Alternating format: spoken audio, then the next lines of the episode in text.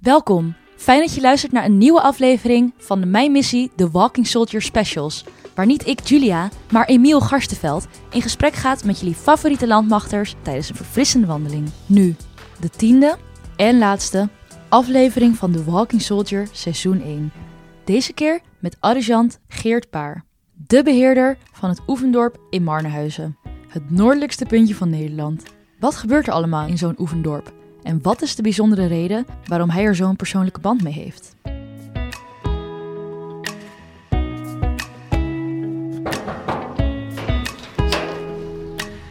Hey, goedemorgen, Emiel. Goedemorgen. Leuk dat je er bent, man. Ja, dank je. Ja, prima. Welkom in ons eh, mooie oefendorp. Ja. Zullen we meteen gaan? Ja, wat mij betreft wel. Ik eh, gooi de deur dicht en dan Ja. eh, loop ik met je mee. Ik heb het gevoel dat ik aan het einde van de wereld ben, maar waar ben ik eigenlijk exact aanbeland vandaag? Nou, Emiel, je bent niet aan het einde van de wereld. Je bent in Noord-Nederland, eh, in het Lauwersmeergebied. En dan wel op het oefenterrein eh, in de Marnewaard. En eh, ja, in het mooie, prachtige oefendorp Marnehuizen. En wat is dit van Oefendorp? Ja, dit is een oefendorp waar wij alle eenheden van de landmacht, maar ook buitenlandse eenheden en eenheden van onder andere het Korps Mariniers trainen in optreden verstedelijk gebied. En wat houdt optreden in het verstedelijk gebied exact in? Nou, optreden in het verstedelijk gebied is een, eh, ja, eigenlijk eh, een complexe, eh, het complexe gevecht. Waarbij we met korte afstanden en 360 zeg maar steeds ja, onze situational awareness gewoon in de gaten moeten houden. En we proberen daar de mensen hier zo goed en zo kwaad als het kan zeg maar, in te begeleiden. En hoe groot is dit dorp eigenlijk? Ja, het dorp is, nou, het is een, een- een, een middelgroot dorpje, maar heeft ongeveer een, eh, 140 objecten. Eh, met eh, een huis eh, centrum, met een gemeentehuis, een kern met wat eh, winkels en wat woningen. En eh, ja, behoorlijk wat variatie, zeg maar. En tot hoeveel mensen tegelijk kun je hier aan trainen als we zoveel huizen hebben? Ja, we kunnen hier eigenlijk is het eh, erop ingericht dat je hier met een compie kunt trainen. Maar als we dat eh, een beetje goed eh, inregelen, dan zou je ook nog wel eh, met een eh bataljon, bataljon minus ongeveer, hè, met de buitengebieden die erbij zijn, prima kunnen trainen. Dat is ongeveer een mannetje of 200. Ja, dat zeker wel. Ja hoor. Maar hoe ben jij hier eigenlijk beland? Ja, ik ben hier ooit in eh, 2004 begonnen als eh sergeant-major instructeur. Eh, dat heb ik vier jaar gedaan en ik eh, ben in de gelukkige omstandigheid dat ik hier weer als adjudant eh, terecht kon. En ik ben hier, eh, zit hier nu alweer drie jaar, zeg maar. En wanneer ben je eigenlijk jouw dienstcarrière begonnen? Ja, mijn dienstcarrière, dan moet ik echt een hele tijd terug, Emiel. Dan moet ik eh, terug naar eh 86-6. Dienstplichtig. Ja. Jezus. Ja, het is, en ik, ik durf ook nog wel te zeggen dat ik de laatste lichtingsploeg IP 408 ben. Ik weet niet of je die, eh, dat voertuig kent. Emiel? Nee, ik ben van het internettijdperk, dus wij zijn niet van nou. het eh, IP 408. Nou, ik, als we tijd zo direct hebben, dan zal ik je wel een paar foto's laten zien. Maar ja, dat, die tijd eh, ben ik begonnen. En Dat was eh, echt nog 14 maanden dienstplicht. En dan ben ik begonnen als corporaal plaatsvangend groepscommandant. Ja, dat vond ik fantastisch. En dat is ook eigenlijk mijn, eh, mijn drijfveer geweest om door te gaan en ja, naar de KMS te gaan. En wat vond je er zo mooi aan dan? Ja, wat ik zo mooi vond was het avontuur, de mannen. Ik ontdekte dat ik fysiek wel aardig in elkaar stak. Ik vond het leuk om een beetje vooraan te lopen als het ging om leiding geven. Eh, ja, dus eh, ik werd ook automatisch plaatsvangend eh, groepscommandant. En ja, gewoon echt een fantastische tijd beleefd. En ja, ik, ik vind het nog steeds mooi. Het is nog steeds een avontuur. Zeker als ik de eenheden hier langs zie komen, is fantastisch. En toen ben je naar de militaire school gegaan. Heb je nog een uitzending gedaan in die tijd? Ja, ik heb uiteindelijk twee uitzendingen gedraaid. Ik ben naar Dutchbad 2, Srebrenica geweest. En ik heb ehm, de missie in Irak gedraaid. Met, met het 13e bataljon. En in welke hoedanigheid ging je die kant op? Nou, ik ging daar als eh, pelotonsergeant heen. Tenminste, de laatste missie. En eh Srebrenica ging ik als groepscommandant heen.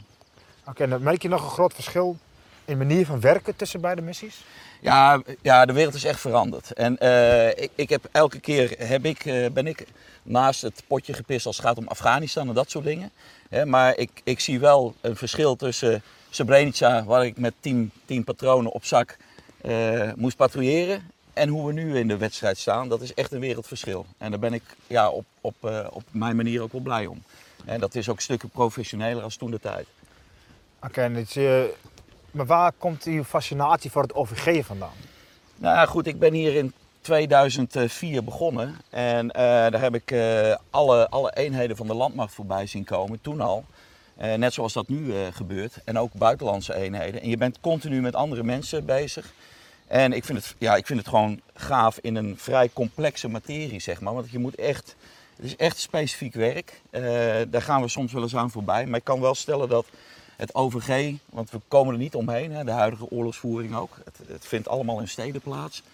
Ja, dat is zo'n beetje de norm. En als je daar een bijdrage aan kunt doen om de mannen en vrouwen van de landmacht zeg maar, goed voor te bereiden, ja, dan denk ik dat je in een unieke situatie zit. Zeker op zo'n mooie locatie hier. Maar hoe trainen we hier? Trainen we hier met een soort van lasergamen? Is het met scherpe patronen? Hoe, hoe moet ik dat zien? Nee, nee we, we gebruiken gewoon blanks, net zoals we dat eh, te velden doen.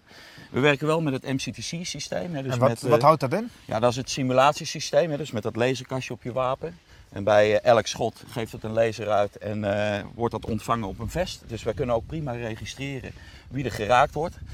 Bijvoorbeeld blue on blue, hè, wat we willen voorkomen. Dus dat je op elkaar schiet. Want dat heb je met name in zo'n oord, is dat, komt dat best wel eens voor. Ehm, dus ja, we hebben, ja, we hebben feitelijk alle middelen eh, ter beschikking om hier eh, de mensen op een, eh, op een niveau te brengen waar we ze willen hebben. En hoe bevalt het de eenheden om hier te trainen? Denken ze van het is echt top of denken ze van pff, we moeten naar Mannewaard? Nou, ze, eh, ze beginnen met eh, wat jij zegt, ze moeten naar de Marnewaard, omdat ze die kale vlakte zien. En we hebben nu heel mooi weer, maar het wil hier ook wel eens horizontaal voorbij komen. Maar als je aan het eind naar de training, dan vinden ze het allemaal fantastisch. Want eh, ja, de meeste mensen vinden toch het gevecht in orde ja, toch mooi om te doen. Je, er zit heel veel variatie in. Je wordt continu verrast. Je weet dat de vijand voor je zit, maar soms ook achter je. Als je het niet in de gaten houdt. En eh, ja, dat geeft heel veel dynamiek. En, en dus ook in de training. En de mans- mensen zijn daar scherp op. Hebben we nog meer van zulke dorpen eigenlijk in Nederland? Of is het eh, dit de, de locatie? Nee, dit is goed dat je het zegt. We hebben het oefendorp eh, in Oostdorp natuurlijk, op de Harskamp. Die gebruiken we meer voor de niveau 1 en 2, hè, dus voor de individuele, met, met name de groepsniveaus. Hier doen we dat voor de niveau 3 en 4, pelotons en kompiesniveau.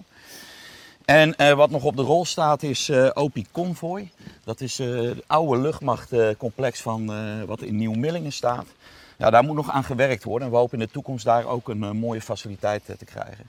Ik mag ook blij zijn dat ik na mijn functie die eh, na de zomer eindigt hier, zeg maar, ehm, eh, op het kenniscentrum eh, daar verder aan kan werken.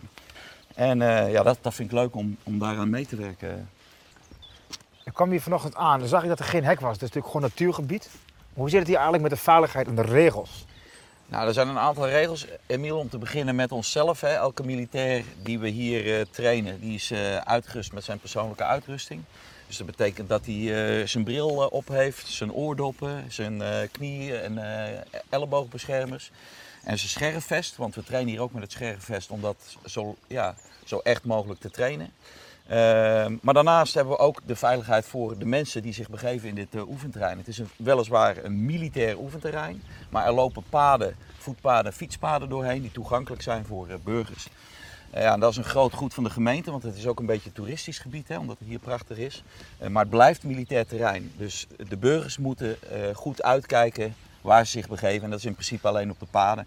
Ja, verder het dorp. Het dorp is echt verboden voor burgers. Eh, da- daar willen we gewoon geen burgers hebben. En dat is heel simpel vanwege weer die veiligheid. Onoverzichtelijk terrein.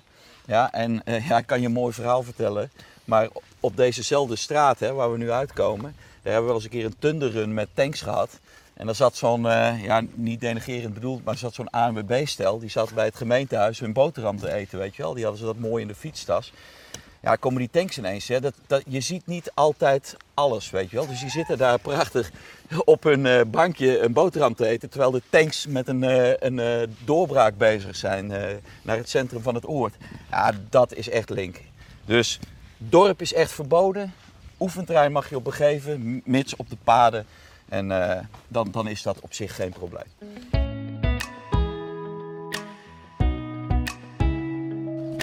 Het schijnt dat jij ook nog een redelijk persoonlijke band hebt met dit dorp.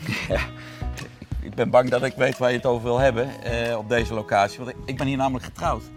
Je bent hier getrouwd. Ja, ik vond dat het gemeentehuis een keer een echt gemeentehuis moest zijn. En eh, ja, de situatie deed zich voor, dus ik heb mijn kans gegrepen. Eh, ja, ja oké, ieder zijn keuzes. Ieder zijn keuzes. Maar laten we naar binnen gaan, dan vertel ik je het verhaal. ik ben benieuwd. Oké, kom maar mee.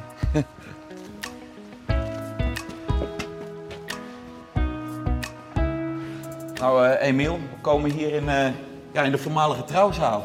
ja, hier ben ik echt daadwerkelijk getrouwd. En hoe had je het een beetje aangekleed? Ja, allerlei mensen die dat fantastisch vonden, die hebben mij toen geholpen. En uh, ik heb er eigenlijk ook niet veel aan gedaan. mijn zwager die deed iets met theaterverlichting, die heeft dat hier helemaal mooi aangekleed. er waren van voeringsstof 50 meter met schietbouten, hadden ze het allemaal wit gemaakt. Rode loper, rozenblaadjes. Ja, super romantisch.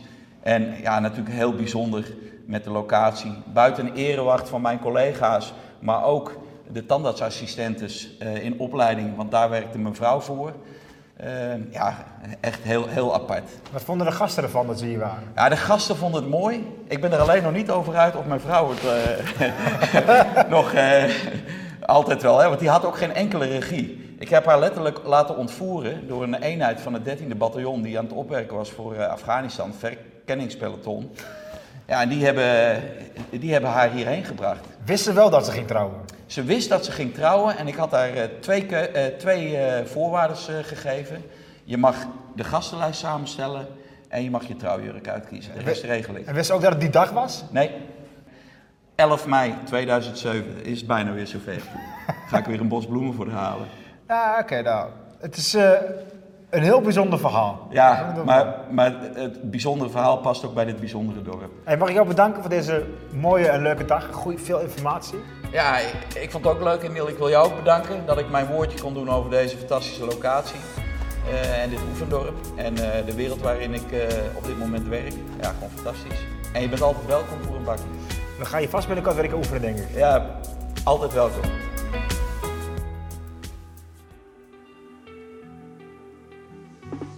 Op YouTube is The Walking Soldier ook fysiek te bekijken. Vergeet je niet gelijk te abonneren op ons kanaal, zodat je altijd up-to-date bent van de nieuwste landmachtcontent. Bedankt voor het luisteren en tot de volgende aflevering.